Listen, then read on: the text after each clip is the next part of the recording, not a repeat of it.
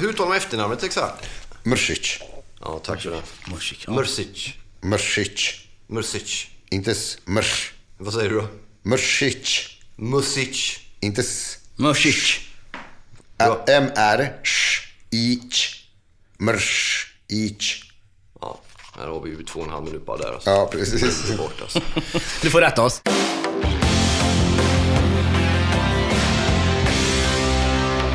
Men vi säger väl varmt välkomna då till ännu ett avsnitt av vad vi har valt att kalla vad då för Mikael? Öppet hjärta. Så är det faktiskt. Eh, Och jag heter Marcus Birro och du heter vad? Mikael Strandberg. Ja, du till att jag tar täten direkt i samtalet här? På Ja, ett det är väldigt... underbart. Kör på. Vad Kan vi säga en liten lägesbeskrivning bara? Vi sitter på Drottning Kristina på Birger Jarlsgatan 24. Ja, I ett svitliknande rum. Ja, det är fantastiskt Ja, är fint. bra. Och halvliggandes framför oss har vi vem då? Dragomir. Ja, Exakt, Dragomir. Kan du säga efternamnet själv istället? Mrsic. Ja, där har vi det.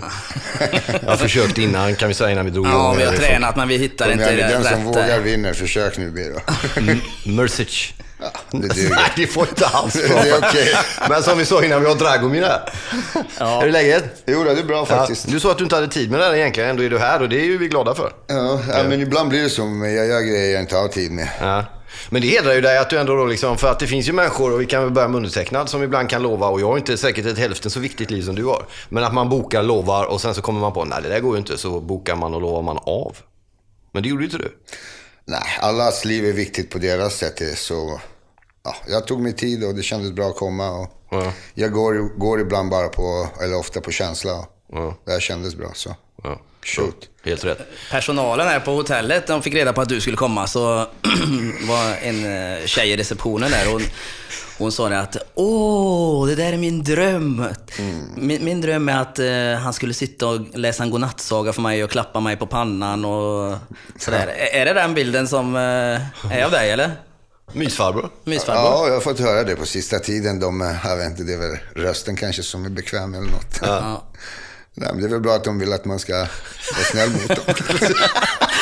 Fast du ser ju rätt hård ut tycker jag. Jag vet inte om jag skulle vilja bli klappad på pannan och höra någon godnattsaga, jag vet inte. ja, men jag tror inte vi skulle klappa lika mjukt. Eller?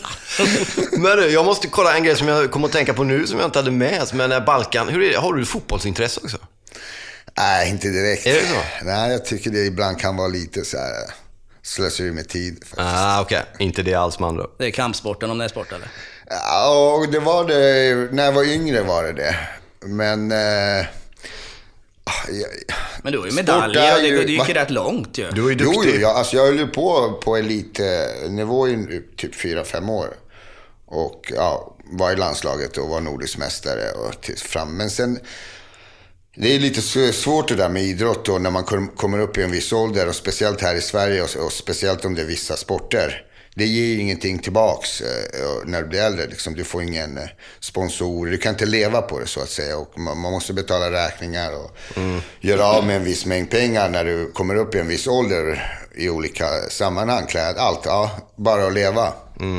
Och eh, då måste man liksom börja välja där om man ska liksom satsa på det eller och inte få något tillbaks. För det, det tyvärr så, och speciellt då var ju också den sporten jag höll på med, taekwondo. Det var ingen OS-gren eller det var inte liksom, så det var, ja, man fick Men hur lägga kom, ut hur själv kom du in på den från början liksom? Eh, Hur, hur var det att du började med det? Det var ju, oj, det var redan vid 78. Eh, eh, det är en ganska rolig story jag berättade, men jag gör den lite kort. Jag var ute och knallade där, jag är upp- uppvuxen i Fittja. Och hade sett mycket Bruce Lee, det är min stora så här, idol. Så, mm. ja, fortfarande faktiskt, för både hur hans sätt att tänka främst. Eh, och då såg jag en eh, asiat. Och jag trodde det var Bruce Lee. För det var första asiaten jag såg.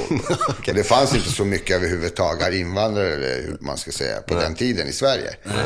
Och hur fick jag, så då var det liksom, eh, jag bara wow, liksom följde efter honom. Jag trodde han typ letade efter någon gangster eller något. Det fanns Ja, men hur gammal är du nu? 78? Hur gammal är du då? Född 69. Ja, okej. Så, eh, ja, så jag följde efter han, kollade läget. Han började kasta in grejer i brevlådorna på, hos folk. Så hade jag en sån här eh, lapp hemma. De hade öppnat taekwondo i Mälarhöjden. Och då trodde jag, oh, det är Bruce Lee jag ska gå hos. Så jag började där då, 78 och sen graderade mig mitt första bälte 79. Höll på då aktivt fram till, vad kan man säga egentligen, 91, 90. Ja. Sen började jag annat. Ja. Och det har varit som en eh, så här röd tråd, för jag hade lite så här strulig uppväxt hemma. Eh, eh, ja, med syskon som började tidigt med knark och lite alkohol i pappa drack och sådär. Mm. Sena kvällar, så det var inte så mycket ordning och reda. Då när jag kom till träningarna, då var det liksom ingen sa något, alla var lika värda och tysta. Ja, och, du fick och, din struktur finns- där då, så att säga. struktur liksom. Och det var, det var det, det som jag gillade mest av hela eh, grejen med kampsport egentligen. Det var respekt, struktur och sammanhållning. Spelar ingen om du var svartbältare eller 20 år eller 10. Man eh, ja, hade lika mycket värde för varandra. Om du var vitbälte eller svartbälte. Alla var samma liksom. Förutom uh, våran tränare Master Lim. Men din farsa, han hör man inte. Jag, jag har ju läst och sådär mycket om eh, dig och hängt med så. Mamma är med i mycket av det, det som du har berättat. så, Men pappa har inte hört så mycket om. Han, alltså han var ju, egentligen är det allt, allt jag vi har att tacka egentligen min eh, pappa. För det är han som, eh, han är uppvuxen i, i bergen i Serbien. De fick typ el i Bosnien. Serb, eh, en by, Rasovce, i Predostaden. De fick typ el för 7-8 år sedan dit. Så. Ja. Så, och tog sig därifrån, eh, blev en, var jätteduktig kock och tog sig därifrån till Sverige. Började jobba på Grand Hotel som kock och tog hit oss i alla fall och gav oss chansen. Sen blev det ju lite knas på det, liksom att det blev alkohol och restaurangbranschen. Han sa alltid till mig, gå aldrig, bli aldrig kock eller jobba aldrig i restaurangbranschen. Det är dåliga tider, allt är dåligt. Det är liksom, ja, det är borta från familjen och men eh, ja, han hade ju en eh, jävla resa pappa faktiskt. För han var ju, han, han var ju alltså så här, väldigt bestämd. Och, eh, Var han brukar- hård eller? Ja, alltså han var hård. eh, Fast inte... Folk brukar fråga mig eh, den där Snabba Cash-scenen när jag berättade att jag hade, fick stry- stryk och kissa blod och för jag inte hade glömt handskar eller vad det var. Ja, det måste ha hänt på riktigt. Han, han, han, pappa har aldrig slagit mig.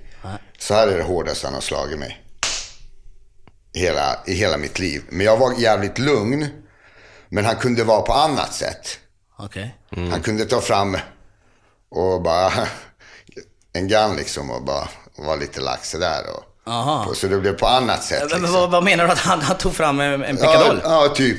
Och sådär. Och kunde bara vara, bara att den syndes du vet och sådär. Så han var så här så sträng och han, han var, när han var ung, eh, Jag han vet var inte så här- fan om det inte hade varit bättre att få en smäll. Ja, ja, precis. Så det finns ju så här, du vet. Och brorsan var lite mer strängt mot, men han var också lite annorlunda än jag. Så han var mer rebellisk och... För jag hade turen, tror jag, eh, hur allt inte knasade. Det var att jag kom när jag var så liten, ett år. Okej. Mm, till Sverige eller? Ja, och brorsan och de kom när de var sex och sju. Ah, Så de kunde inte språket. ja, just det. Och det är rätt viktigt just då. Ja, och då känner man sig inte involverad i samhället. Och jag lärde mig innan jag började. Ja, precis. skolan. Och, sen de, och på den tiden var jag också lite, du vet, i Sverige konstigt, du vet. Skötte du inte, gjorde inte samhälleliga grejer, då var det, räknades du, ja men skicka på barnhem. De var lite strängare då, du vet. Ja, precis. Det var inte eh, ja, att man hade gått krat om det här tålamodet som man har i skolan med. Det fanns inga bokstäver på barn eller någonting. då, liksom. Nej. Men det där, är, det där är en spännande grej tycker jag, men du har ju ändå perspektivet då. Det är ju liksom om vi säger eh, 70-tal, förort till Stockholm, Fittja, uppväxt där, eh, lite stökiga förhållanden och så. Ehm, och man då, det är ju saker som det pratas väldigt mycket om nu med, liksom. förorterna till Sverige och människor som växer upp och så, och skillnader och utanförskap och klyftor och allt vad det är. Tänker du någonting på när du växte upp och, och ditt ursprung liksom i de där delarna av stan och hur det ser ut nu och så och jämför? Eller tänk, hur tänker du kring de här grejerna? Ja, ja, det är klart jag tänker. Det är liksom... Jag kommer ihåg, det kanske tog en, eh, typ en, två, ett, två år. Sen var det helt skift, skiftade vänner jag hade. Fram till typ sexan, typ jag var 12, 13. Eh, Magnus, Johan, Fredrik, eh, Martin, Nicke. ja, ja. Du vet. Alla. Radhusnamnen, ja. Ja, ja, precis. De bodde nere i radhusen. Ja. Postonsvägen. ja. Och, och Stökholmsvägen hette de. Sen bodde vi i Fittja, eh, Värdshusvägen, Krägavägen, Forvägen. Men, jag, eh, men det var svenskar där mycket också.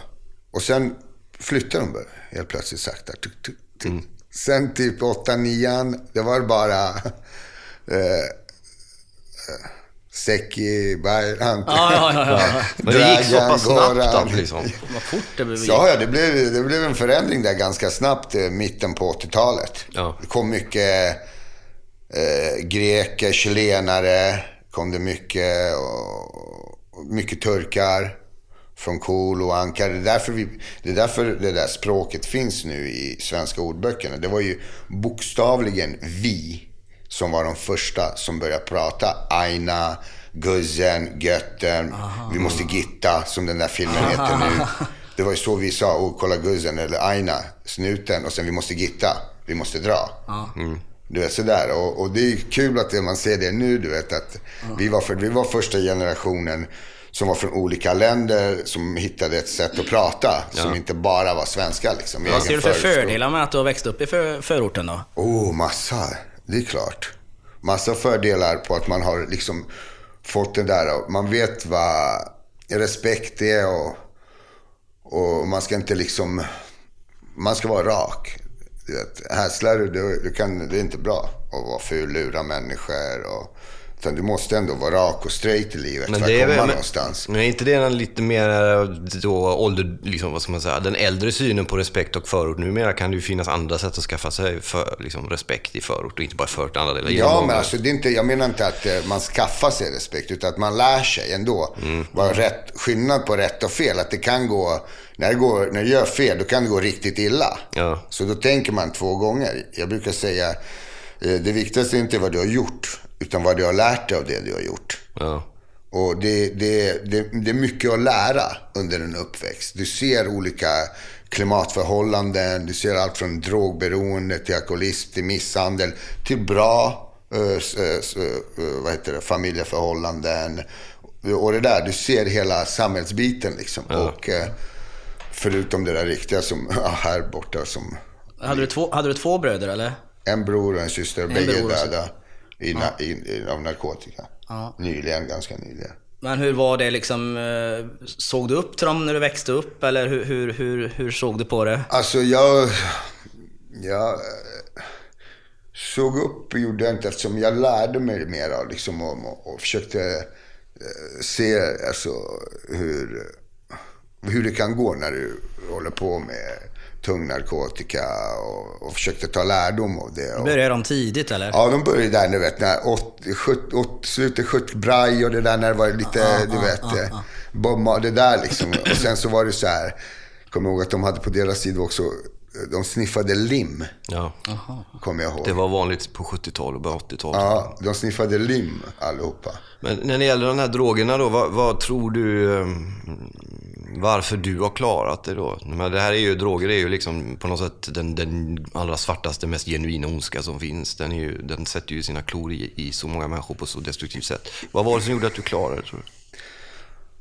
Alltså det, det tror jag är många, många faktorer. Först och främst är det ju eh, eh, jag själv att eh, någonstans så har jag fattar jag att det blir knas om jag tar. Jag fattar om jag tar en heroinspruta, det blir knas. Jag fattar det och jag drar en gräns. Jag kan, jag förstår när det är, jag tror jag förstår, jag vet vad som händer liksom. Och jag har ju tänkt på, jag har lärt mig det, här med beroende och folk. eh, Är du, är du beroende av eh, mat eller sex eller spel eller eh, ja, whatever. Alkohol. Då kan du sitta på morgonsoffan hos Malou eller någon och prata och, och de klappar dig på en minut. Har du ett beroende av någon olaglig substans, då är du en idiot och kriminell i många ögon. Fast det är bara egentligen ett beroende. De är sjuka. Det är samma sjukdom. De är sjuka bägge två. De ska ha samma, och samma respekt. Och, jag tror min bror ville jaga och knarka varje dag för att de mår dåligt. Det är klart de inte vill. Nej, såklart. Och samma sak med en alkoholist, samma sak med eh, ja, alla då, matberoende. De vill inte äta 20 hamburgare om dagen. Nej. Nej, men det är ju beroendet i sig, är det Ja, som och det är sjukdomen. det, det, är det som eh, man måste liksom, om man tar sig till en människa som har ett eh, en beroende, då måste man inte se vad beroendeprodukten är. Nej, utan exakt. att det är det. Och ta sig an den på det sättet liksom. Du har ju väldigt koll här, men jag funderar på det när du ändå var, varit så djupt inne i det, både i familjen och kanske runt omkring där du bodde och sådär. Eh, var du aldrig snudda vid det själv liksom, eller du kände på det överhuvudtaget? Det är för tungt. Det måste, du måste kunna hålla distans, annars går det inte liksom. Annars... Eh. Men det där är en intressant grej du säger om... om jag jag är ju själv nykter alkoholist och även liksom kört lite så andra grejer och så. Så att jag, jag är ju en del av den där. Och det är precis som du säger, har man ett... Alltså om beroende tar sig uttryck på en viss planhalva, då är det okej. Tar den sig uttryck på andra, så möts man av någon form av förakt. Jag minns ju när eh, eh Simon Hoffman gick bort. Skådespelaren som knarkade ihjäl sig på heroin. Liksom. Han hade ju då varit ren i 17 år eller något sånt där med några återfall fram och tillbaka. Han hade barn, han hade Oscarssträckare, han var miljonär, han var framgångsrik, han var älskad av kollegor och fans över hela världen. Och folk fortfarande ställer sig frågan varför gör de det här? Och det handlar ju om att de, då inser man inte vilken kraft det finns Nej, i den exakt. förstörelsen. Därför att han hade allt. Han hade just blivit återfinna, eller återvunnit eh, relation till sina barn. Han släppte allting. Och när de bröt sig in hos honom sen när han låg där och hade tagit en överdos, så hittade de liksom bokhyllor fulla med heroin. Till att ta död liksom på du vet, 40 elefanter som han hade där. För att vara säker på att mm, Att det finns alltid. Ja, exakt. Men du då som har levt, hur, hur har du lyckats, eller har du lyckats arbeta med den här känslan, gjorde jag tillräckligt? Eller, för det är många anhöriga som lider nästan mer än missbrukare många gånger, att jag borde ha gjort mer och, och sådär. Har du funnit, funnit någon form av ro i det, eller hur känns det? Alltså det där är ju lite... Det är svårt på ett sätt, men eh, min bror var det ett år och fyra månader sedan när han gick bort. Han kom till mig dagen innan eh, han hamnade på sjukhus, gick han bort dagen efter, på tisdagen. Han kom söndag. Och ville ha pengar, för han hade, du vet, behövde pengar bara. Jag gick ner och gav han. Och, och han kunde knappast gå för han hade, mådde, han hade prostat eller någonting. Så jag körde han till tunnelbanan. Han ville inte fråga om skjuts eller Eh, För han kunde inte gå. Så, eh, och, du vet, vad ska man göra? Alltså man kan inte göra, om, jag vet om jag inte ger honom pengar, han kommer göra någonting. Jag måste, och man, alltså man, man måste, eh, alltså de, de säger att man ska sk- skära av vissa, vi hjälper inte och det går bäst att de klarar sig själv och klipper banden. Och, Men det går inte, jag är inte sån människa. Jag kan inte, nu när jag var på väg hit hade jag en eh, påse med bullar, stor påse. Då gick jag på Birger på stannade bilen på ja, gatan när det var rödljus, fast det blev grönt. Gick och gav eh, påsen till en uteliggare. Och jag spelar ingen roll om de, någon, de, någon som de ser, de skickar någon som tigger. Och jag ger ofta mat och sådär. Och På jul brukar jag gå och dela ut. Och Jag tycker alltså, det är ju den där med, alltså om, om man har, om man har gjort till, det är svårt alltså att säga om man man man, gör- gör... det bästa man Ja. kan och sen så måste du eh, leva med dig själv. Att eh, du känner att du har gjort vad du kan. Och, och gå vidare liksom. För det går inte att ja, gå gun, eh, ja, vad heter det? Ja, men gå och grunna för Gna, länge. på- grumla och hålla på. För då är du, fastnar du. Då kan du inte utvecklas och gå framåt. Jag förstår, men man får ett väldigt övertag på det där också. Du, du, du berättade ju det att eh, om jag inte ger han pengar nu så, så kommer han att göra någonting. Han, han har Han ju... kommer ju ändå skaffa de pengarna. Ja, ja, ja, de gör ju det. Så- Det finns ju ingen som är han- De nära och driftigare kära än- folk kan ju hamna i en väldigt eh, Eh, en tuff situation. Min, min bästa vän. Han var Sveriges bästa 69 i basket. Och så här, tung snubbe. Hade tjejer tyckte om han och han var värsta så, tung lirare. Han sa, han eh, började med heroin och han sa när han var, jag kommer börja med heroin. Och han eh, tog överdos och hoppade från, eh, ville bara dö. För han, han, från att han hade så här riktigt med cash ja, rest överallt sen han var 20. Hela världen, bott i USA, bott överallt. Till att sno och, vad heter Marabou-choklader och det han berättar. Och sälja till så här småpressbyråer till utlänningar och sådana som har små. Han stod från Ica och lalala. Och han säger för att jag ska skaffa två lax om dagen för att ha tillräckligt med heroin. Och sen han ville inte, så han hoppade från eh, Mariaberget men klarade sig.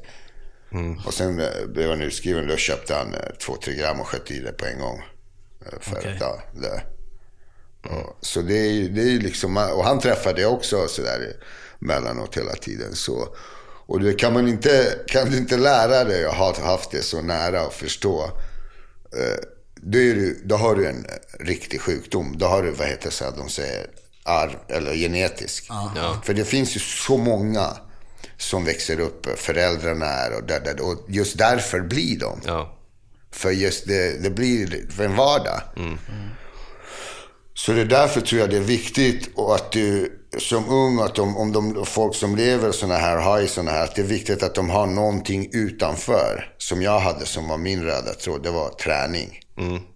Träning, jag höll på med gymnastik, jag höll på med allt som hade, för var lite borta hemifrån och sådär. Och var på andra platser och, och sådär. andra typer Jag får känslan av att du är en riktigt bra pappa. Kan du berätta? Ja, det är grymmaste. pappa. Du är ja. ja, men det, det känns verkligen så. Ja, jag, um, mina barn, jag är som... Ja, de får, jag gör allt för dem. Min fru tycker jag är jobbig. Vad tycker du om du skämmer bort dem eller? Ja, Ja, men vad ska man göra med sina dem, barn? lämnar dem. Allt, allt för dem. Det, det är därför jag får energin och, ja, du vet, och det är för barnen liksom att kunna, ja, att de ska säga oh. Vad är gamla är de? Dottern är, ska fylla 17 och grabben ska fylla 15. Och han ska göra film med mig nu. Jaha. Är det sant? Ja, han var provfilmare. Han har gjort lite film. Han var med i Snabba Cash. Ettan.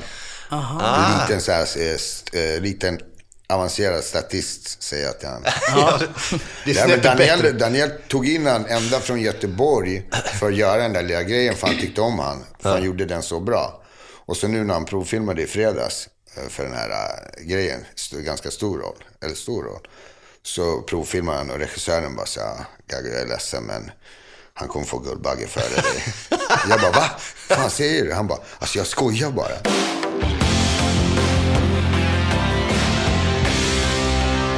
Men, men hur, hur har du det med så här eh, liksom ungdomar som växer upp i, i så här utanförskapsområden, alltså förorten, som ser upp till dig? Liksom? Det måste ju vara massor av sådana sköna som vill liksom, du vet, lägga armen om dig och ta en bärs med dig och snacka lite så här gangsterspråk och så. Eller? Ja, ja det, men det, alltså, det är det som är skönt nu. Jag har alltså, jättebra bredd på den där. Eh, allt från här 80-åringar till... Eh, ah, eh, de som, vill bli klappade när de ska läsa. Ja, du vet, ja, du här, hela... för femåringar. eh, Jag jobbar mycket med barn, du vet. Jag ju, innan jag började mycket med film så har ju mitt träningskoncept har jag haft på Manilla-skolan med fyra femåringar och haft i 12 år på mitt gym. Och, och, men de, jag var ute i Hudsen eh, någon vecka sedan och jag gör ju aldrig så här föreläsningar och sånt. Jag får ju ganska Varför inte? Nej, jag hinner inte. Jag måste ta prioritera liksom. Jag är inte föreläsare, jag jobbar med film. Ja. Och då får jag hålla mig till, annars blir det för blandat och för mycket. Och, och, och det gör jag. Jag är inte så bra heller på att föreläsa. Ja, Ja, alltså, men har man en story att berätta och det har du, då kan man lösa det. Liksom. ja säkert. Så jag var då i Hudsen i alla fall. De frågade, ah, vi har inte så mycket pengar, hur mycket ska du ha? Och, eh, 150 000 sa du då? Nej, det du inte. Nej, jag har fått ju många gånger dubbelt än det för att göra, men jag har sagt nej. Men eh, jag bara, nej, nej, jag vill inte ha någonting, bara dammsugare och Pepsi. Ja. De bara, vadå för dammsugare? Jag bara, så sån här... En som Electrolux. äter- De man äter. Så, eh, så jag var där och det var ju så här jätteskönt att snacka med dem och de är ju verkligen så här... eh, Ja, det var ju då, jag tänkte så här, ungdomsgård, 15-åringar, men det var typ från 10-åringar till 50-åringar som var där och kollade och lyssnade och snackade. Så det var, det var kul faktiskt att, åka så här, du vet, tillbaka. Ja. Men jag bara kolla, den här skådespelare, liksom, är du- har du någon sån här utbildning för det eller är du bara talang? Som du kom på, fan det här är jag ju bra på. Uh, alltså, för mig är det där... eh, Men vi uppmuntrar nämligen autodidakta, självlärda i det här programmet. Det är bara som vi Ja, älskar nej, sånt. alltså- Så känn inte någon blyg med den grejen. alltså. Nej, nej, alltså det där med... För mig är ju skådespeleri eh, inte på låtsas. Och, och det är på riktigt. Och det har inte med eh, 4 gånger 4 är 16 Att det är så, så ska det vara. Nej. Det är inte något logiskt med det. Nej. Det, det är inte något eh, logiskt med att Christian Bale går ner och, eh, 40 kilo och håller på att dör i den där uh, maskinist. De, eh, du vet, det är inte, det, så ska det inte vara liksom. Och eh, att du ska, någon ska sitta, någon lärare som eh, vill själv bli skådespelare, ska sen sitta och lära dig hur du ska bli skådespelare. Som att titta på någon film hur du ska ta fram en känsla. Som ah, typ aldrig har varit med om någonting i sitt liv och ska berätta till mig hur det är. Och sitta inlåst eller förlora någon eller vara med om en tragisk grej eller ha roligt eller ja, ta fram en känsla. Det, och det är ett ganska fint exempel och det handlar om kreativitet och eh, konst och, och, och känslor. Och, För mig mycket så här vad du har i ryggsäcken, vad du kan återuppleva i dina minnen. Och, så alla ära kanske att du ska nog kolla på in i kameran, någon vinkel de ska lära dig. Men inte det, det går inte att lära någon. eh, att säga, Du ska vara ledsen sådär. Om det inte, det, och ett bra exempel vi har, vad är det, Alicia, hon kom inte in fyra, fem gånger. Tror jag, eller minst fyra i alla fall. För någon sa att du är inte tillräckligt duktig för att lära dig. Och då, äh, vad är det för konstigt? Fem personer eller hur många de är som sitter och säger, du är inte tillräckligt duktig för att lära dig att gråta eller vara ledsen eller... Alltså det, där, det förstår jag inte riktigt, det där tänket, hur, man, hur det funkar. Ja.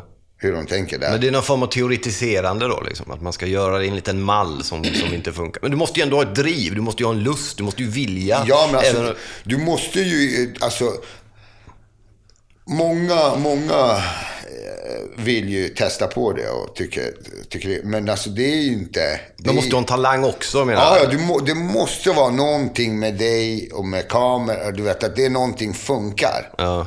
Annars tror jag alla skulle, många skulle bli mer än... eh, Och sen, det, det, det, det, jag, jag, tror alltså, jag tror inte det går att lära. Nej. Antingen funkar det och det funkar. Eller så funkar det inte och man får vara i preferierna liksom och, och köra liksom om man gillar det grejerna. Men eh, det, det är verkligen, för mig det är verkligen på riktigt. Det första eh, jag gör om jag eh, det tar alltid, det går inte att spela, jag kan inte spela arg eller vara liksom, utan, utan jag måste, det måste ta bort ordet spela Du blir i skallen. Ja. Ja. men alltså, jag blir ju så som det ska vara. Ja. Så, och det, det är svårt att säga, du vet, så här, teoretiskt prata om det. Ja, men då, då har du, du har ju en, en talang, det, det, är ju- det är ju inget snack om den saken. Men, men grejen är, vem, vem var det som kom på det först? Det liksom som hittade dig, eller hur, hur säger man? Eller, Det, ja, det, skulle, det skulle jag säga var Josef, eh, eller Malte Forsell. Ja. eh, skicka mig till Josef. Malte och jag känner varandra länge och bra, goda vänner. Och eh, Josef skulle ju, Josef Fares va? Josef Fares ville ha hjälp med, då han höll på med Leo, ville göra filmen Leo. Det är tio år sedan tror jag den hade premiär. Eh, och jag fixade massa juggar till han, Ja. som körde. Med, med Abbe, producenten till Måste Gitta. Vi pratade om det här på galan faktiskt. Ja. Sen dess han slutade provfilma folk efter den dagen. Abbe, han hjälpte Josef på den. Och Vad skulle han ha juggarna till snabbt på? för att han ville, han höll på den här filmen, Ah, Leo. det, han behövde två stycken sköna karaktärer. Så de körde och han, han tyckte det var liksom för mycket acting. Han såg att de inte var... Så han ville att jag skulle köra. Så jag kan inte så hålla på och larva mig. Så, hej, spela arg, vad är det för något? Han bara, men gör som du skulle göra, vadå som jag skulle göra? Han bara, men gör som du skulle bara göra om du kom. Ja. Jag bara, okej. Örfil och han har så här sköna kinder, Abbe. Örfil, tog han så här kinden. Ja, det är synd vi har podd nu. Nu skulle vi ha, nu skulle, här skulle vi filma, för det, det här är riktigt Han har roligt. greppvänliga kinder. Ja, ja. Och, eh, och sen så, ja, så tog jag hand om honom helt enkelt. Och Josef skrev ty- Tykus som den där tjuren Färden, han ska vi ha. Han blev nöjd där då. Ja, sen gjorde jag eh, Leo och eh, skulle ju spela in första dagen och det var så jävla nervös. Du vet. Jag, har inte, jag har inte gjort film. Jag, och Josef Fares eh, som legend har gjort alla liksom, grejer man har sett. Och så skön lirare också. Ja. Och jag förklarade till honom lite innan om min background. Vad jag hade kommit ut för. Så jag inte jag skulle sabba något honom. För jag var rädd liksom, Ja, hur det precis. skulle uppfattas att jag suttit för värdetransport och sådär. Och liksom. vad sa han om det då? Nej, alltså jag dömer inte folk på gamla grejer, 7-8 år grejer. Och då hade jag redan jobbat som olympisk tränare i topprogrammet. Ja, just det. Och fyra år och de hade struntat i det. Men kulturen kan ju vara också Ja, konstig. kulturen är, men du vet ändå idrott, olympisk tränare i topprogrammet. Första tränarjobbet jag får i mitt liv. Kommit ut eh, ett år innan för värdetransport från Hall. Och, och de fick reda på det och han bara, men Gago är sådär, Glenn Öst, jag har alltid tackat han för han, han bara lät mig göra min grej. Jag, du vet, han dömde mig inte på gammalt liksom. Och, och det är som, du vet, människor, det han är fortfarande sportchef och det visar att han, är, han är, vet vad Fan han vad gör. glad man blir att höra sånt ändå. Ja, att det finns hopp Ja, ja, ja, med mycket makt, men som vågar ge Ja, en kille en vågar, chans. ja, va? som För de vågar- riskerar ju något. Ja, de har ju det säkert folk omkring sig som är, du vet. Det är klart. Mm. Och, Men jag menar, du, det känns ju som att du har tagit med dig också, för du, du, du har ju rätt mycket power själv nu och att eh, du har ju den ödmjukheten i dig och att Ja, det är eh, det verkar som viktigaste. att du har tagit med dig det är det. det enda min, jag säger till min eh, agent som håller, eh, att de ska hashtagga alltid, det är hum- humble. Ödmjukhet liksom. Det, det Har du det som alltid med i ord? alltid. Ja. Det, den är alltid med. Men är det inte lätt att tappa den ändå då? Hur då? Ja, men när det går bra. Nej, det är, då, det är då det är viktigt att tänka på det. När du bara är själv upp till dig, det är då du på riktigt lär känna dig själv och vem du är. Och det är där uppe du tappar dig. Och det är därför det är viktigt om du kan ha kontroll där och andas lugnt. Och tänka på det, då är det lugnt. Samma sak om du är där och kan tänka, andas lugnt och tänka. Det är då du vet vad du gör. Enkelt fast svårt. ja. ja, där har du en föreläsningsserie bara där. Jag ska tänka Ja, på det. Jag har varit nog båda på de där de sista fem sex åren bara. Ja, exakt. Men Ja, vart är men- du på väg? Eller liksom, vad, vad, vad tänker du nu? Framåt? Nu, nu ska Eh, jag liksom- göra min eh, serie som eh, kommer knäcka. Som jag har hållit på med i sju år i sommar. 2010 spelade jag in eh, en pilot. Men, eh, När släpps det då? Kan du, kan, får du berätta något om den? nej, alltså Nej, jag kan bara säga att det är Film, tung. Det går ut om två veckor. Ja, ah, okej. Beställaren går ut. Och produktionsbolaget. Aha, okej. Så, men det är en tung eh, crime-drama, polisdrama, action. Ah, bra. Är du... Ja, okej. Ja, vilken- Bygger på eh, erfarenhet, kunskap och eh, ja, mycket, jävligt, ganska mycket research faktiskt. När får vi se dig spela polis? I den. Ah, det, du byter sida där. Äntligen! Så ska det ju vara ju. Det är ju för du, du måste... kommer det lite ändå. Ja, ah, nu släppte du lite nu. Men vi ska inte, vi ska inte pressa på den grejen. Men nu, då tänker man så här att det borde för du, du, du liksom de, en del andra roller och snabba cash framförallt kanske då. då det, den, den delen av tillvaron vet vi ju att du kan. Men du borde ju kunna massor om polisarbete, men för det är ju liksom den här, eller hur? Du borde ju kunna... Ja, ja, ja, jag kan ju, alltså jag, en, en av mina närmare vänner, närmaste, han har varit polis i 30 år. Som, ja, han är, ja, Han är polis. grym. Alltså, han, är, bara- han är chef för Ja. den verksamheten liksom, i sista 10-15 åren. Och vi jobbar faktiskt med film ihop och grejer för, som konsultation. Och, Ja, Jag har haft det eh, till eh, serien jag håller på med.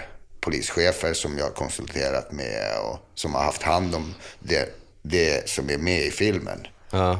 Eh, Och så, så jag har ju, så det, det har jag bra kunskap. Sen har jag åkt polisbil också. ja. och numera även fram då Så kanske? här alltså. Ja, exakt. Och numera även fram. Men om man ju ska inte avslöja för mycket om det, men vilket har varit roligast? Att spela polis eller liksom brottsling? Eh, roligast har varit att eh, göra Göran faktiskt. Torpederna. Är, är det, varför det? Är det Alltså, att, han är så skön. Han är helt sjuk. Ja, han tappade det tidigt. Ja, han är, den, den, den karaktären har varit den roligaste jag fan har gjort. Alltså. Ja. Men eh, filmmässigt är det roligaste, jag tror ändå alltså, alltså det mest sjuka det var ju såklart eh, eh, filma eh, över sex månader i London med eh, Emily Blunt och Ja. Bill Paxton och Tom Cruise. Ja. Och Hänga där och vara där liksom. Och, Men hur fick du den grejen? Det en klassiker? Vad, så, vad hände? jag blev nedskickad av uh, Actors in Scandinavia, min agent Laura, till London och uh, träffade lite uh, castingbyråer. Ja. och sen så, för hon ville inte att jag ska skicka tejp. För hon tycker jag, när jag träffar folk på personligen. Hon, hon, ja, det är en annan typ av utstrålning. Ja. Ja, hon bara, du är bra på... Ja. Så jag åkte ner och de gillade mig. Så de bara, fan vi kommer hitta till dig såklart. Och sen så kom sommaren och så provfilmade jag för, ja, till den. Kan det bli mer utomlands och så eller? Ja, ja, det är klart. Jag har eh, flera grejer på gång. Ja. Vi var nu i förra april i LA och filmade eh, med Ron Perlman. Och det var kul också. Det är en legend liksom, som man har sett sedan han var barn. Ja. För min, eh, jag är ju Payday, tv-spelskaraktär. Jag är ju playable, kar- eh, play, spelbar karaktär. Ja. Så det är skitkul att hålla på med. Så det, Men Tom Cruise, var han skön eller var han, gled han in du vet, på någon form av sån här? nej, alltså han var alltså... Han verkar Helt skön. ärligt, jag har eh, träffat ja, jävligt många olika kändisar Ja. Och grejer. Han är fan en av de skönare. Ja. Men är det inte också, att man, ju högre upp, alltså snobbismen finns oftast på något lägre Ja, nivå. men de jag har träffat, de, ja, Eller inte också- högre än han. Det går fan, det är svårt. Ja, men I typ filmbranschen är det svårt. Ja. Men, eh, man, du vet, snacka med liksom, statisten eller en, du vet. Schysst mot alla, brydde sig om alla, ville att alla skulle, liksom, när han var här eh, i stan.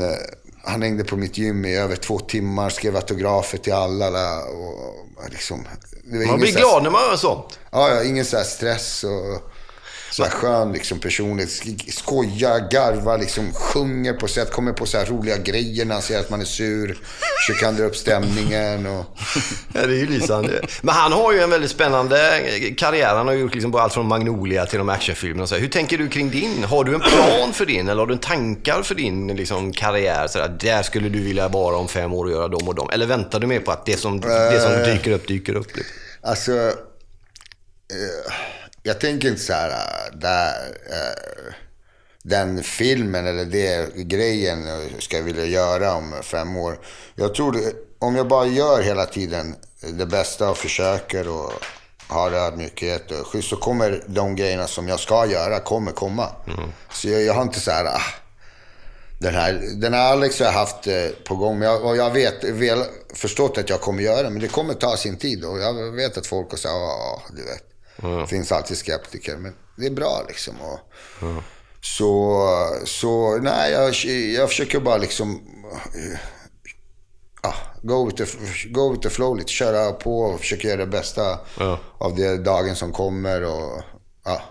Så jag har ju en, en, en bror som är i filmbranschen, så vi har ju lite pejl på hur det går till. Och ibland går det till rätt du. Alltså grejer som de har lagt ner pengar och skrivit och grejer och allt är klart, så blir det inget. Ja, så det är många. Det är, mycket många som har förlorat miljoner på det. Ja, det där är... Det är därför, men... Det är lite också... Alltså det är lite... De är lite fega. Ja. Du vet det. Det som är bra nu i film och där branschen och det, det är att det har kommit in massa nya människor som gör film. Jag var ju nu på Guldbaggen. Ja. Då var det jag, Mrsic, prisutdelare, Ja.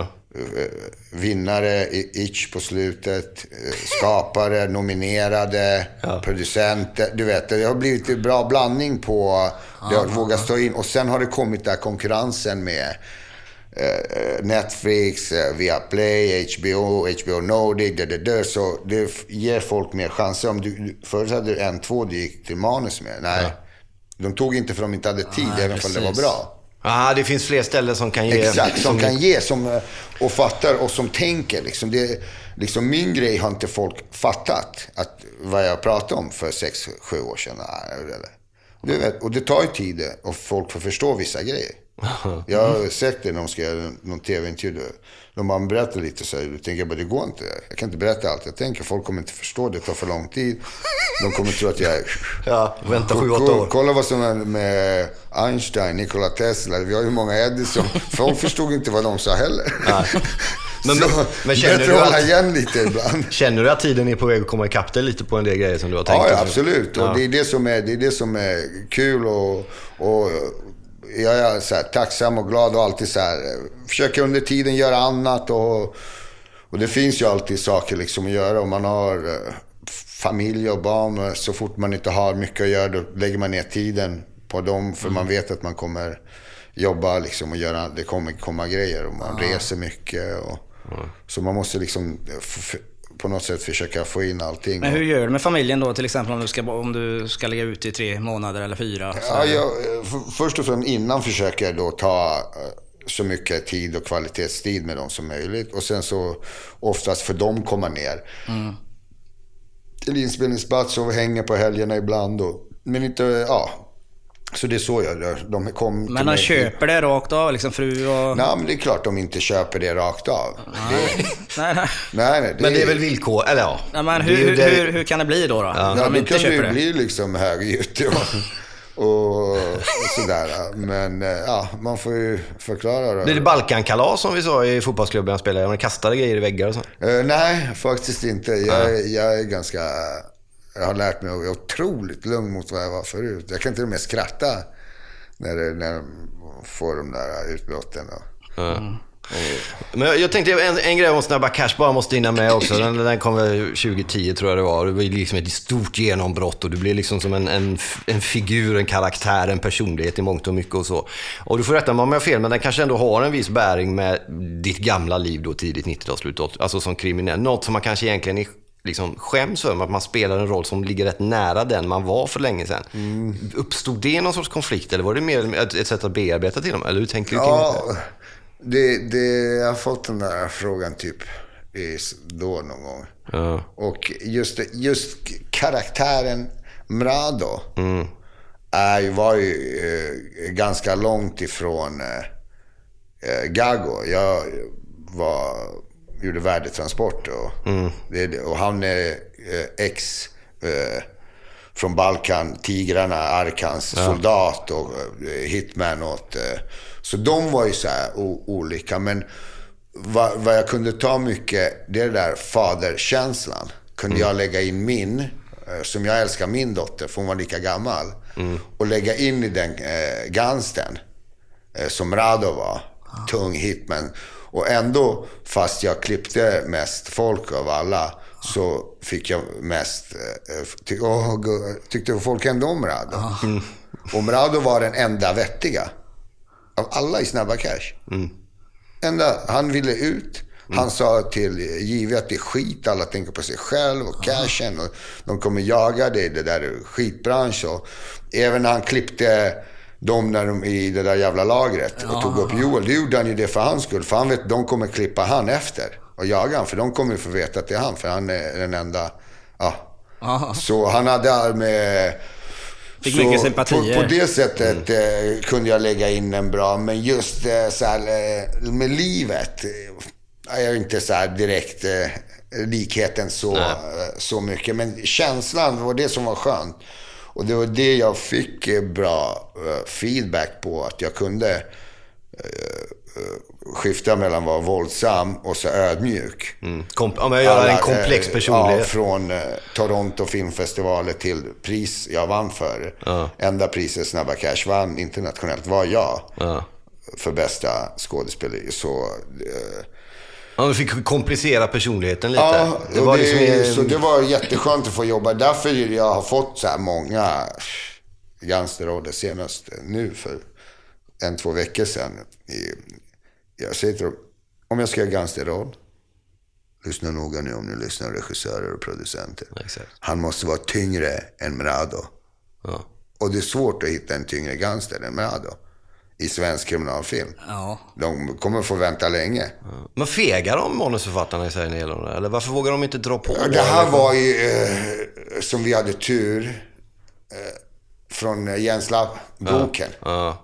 Ja, ja, en den är ju advokat sant. som hade skrivit in Ja, en skön det karaktär. Ja. Så vi hade lite, eh, det kom inte bara från en bra eh, författare. Som hade hit, lämnat en, någonting till en manusförfattare som hade sen. Utan det gick den vägen och där hade vi lite tur. Och sen var Daniel Modig, Espinosa. Mm. För i- karaktären är ju två meter. Och Ja, det- ja. bara muskler. Ja, liksom. för du är 1,95 kan vi säga. Ja, typ 93. Ja. Och sen kom det in eh, 93 plus. Stora provfilmade och det. Men eh, han provfilmade mig för en annan grej och bara, han bara, här det går inte. Jag tänker, så fort de kommer in, jag tänker på dig fan. Sa? Ja, de kommer stora. Hallå bre! Du ska ge pengarna nu. Han vad fan säger. Men jag bara, en, en, en annan grej som jag tänkte på. Vi ska, vi ska Har du liksom- lite mer kaffe Börsen? Eh, det, var, det här med att alltså, sitta i fängelse, jag hade en diskussion i ett helt annat sammanhang om, om hö- längre straff och hårdare straff och allt sånt där. Kan du nämna en bra grej med att sitta i fängelse och en dålig grej? Vad gör det med en människa att sitta i fängelse? Om du En måste ta något grej bra är att du har chansen att, få tid till Men dig hur många själv. tar den? Och det får vi göra någon utredning på. Hur var det för dig då? Lärde du dig någonting? Skulle du vilja säga det? Att, Det är klart. Alltså, du, du kan lära dig precis av allt om du är smart. Jag kan lära mig massa från idag. Alltså, och där är den bästa grejen du kan hitta och lära dig saker. Ja. Alltså, du kan ju verkligen få självinsikt. Ja. För det är ju i, i motgångar. Ja, då är man ju på den där botten du talade om du innan. är ju på motgångar. Det är då du kan verkligen förstå dig själv. Och känna efter. Få tid att känna. Mm. Men det där När känns du som är inlåst 23 timmar och en halv.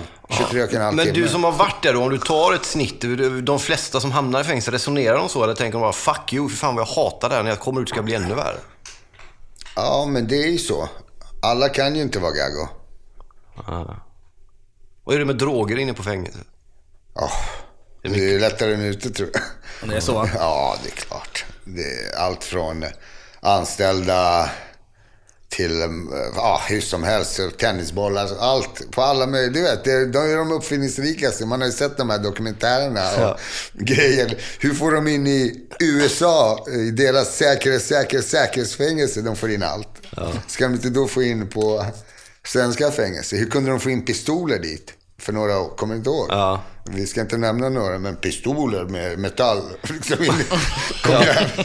Men då måste ju folk som jobbar där vara inblandade. Ja, alltså det är klart. Ibland behövs det du vet, slappa rutin. De går och gör varje dag. Kommer besöksamma. Du kommer med det där. Kollar inte bakom nacken. Du tar pipa. Du tar nästa gång den, nästa gång den. Ja. Liksom det. Men när du möter unga människor eller människor överhuvudtaget, har de en romantisk föreställning av vad fängelse är för något? Nej.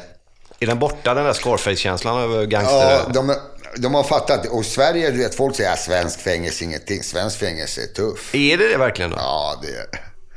Vad är det tuffa i det liksom? Är Alltså, det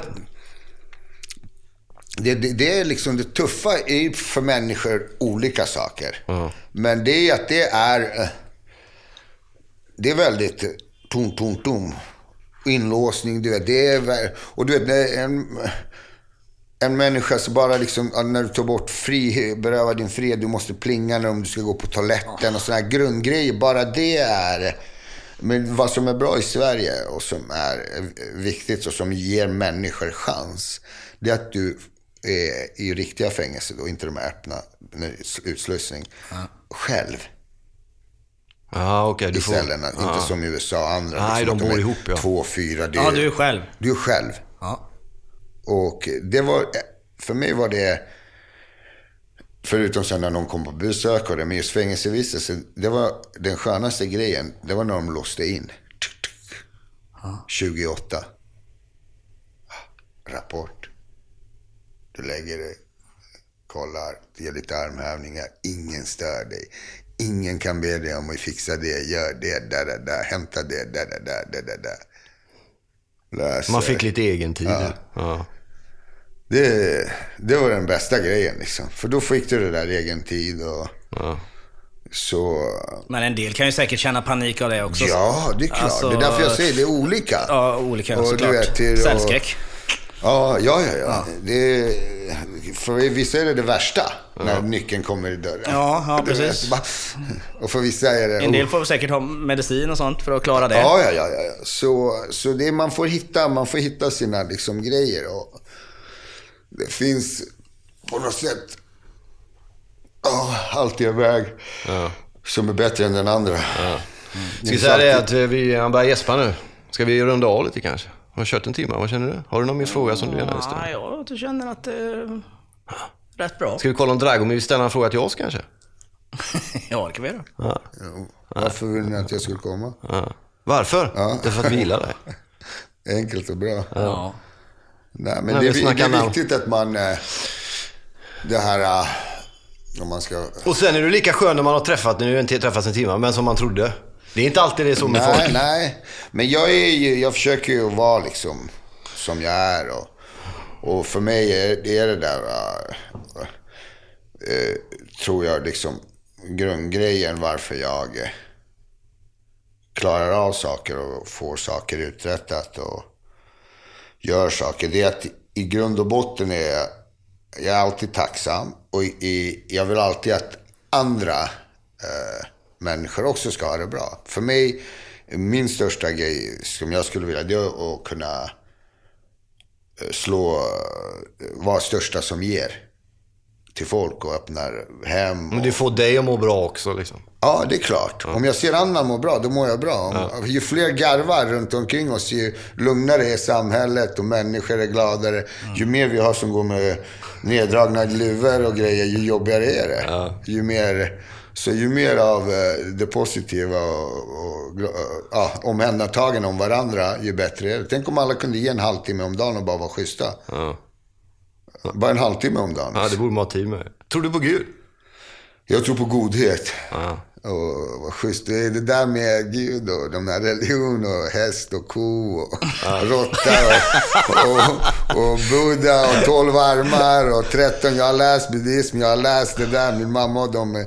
Jag tror på godhet. Ja, okej. Sen spelar det ingen roll vad fan det kommer ifrån. Eller. Det, om du, det är då knaset börjar, när du börjar med Det för jag min den, jag är katolik, jag är än den." ortodox, Ja. jag är muslim, jag är hinduism, jag är buddhism. Det är så. Jag är människa, jag är schysst. Jag är bra. Det är bättre. Eh, Kan vi få en bättre avslutning? Nej, vi rundar av det. Stort tack för att du kom hit och tog dig tid den här gången. Tack för att jag fick komma. tack, tack, tack.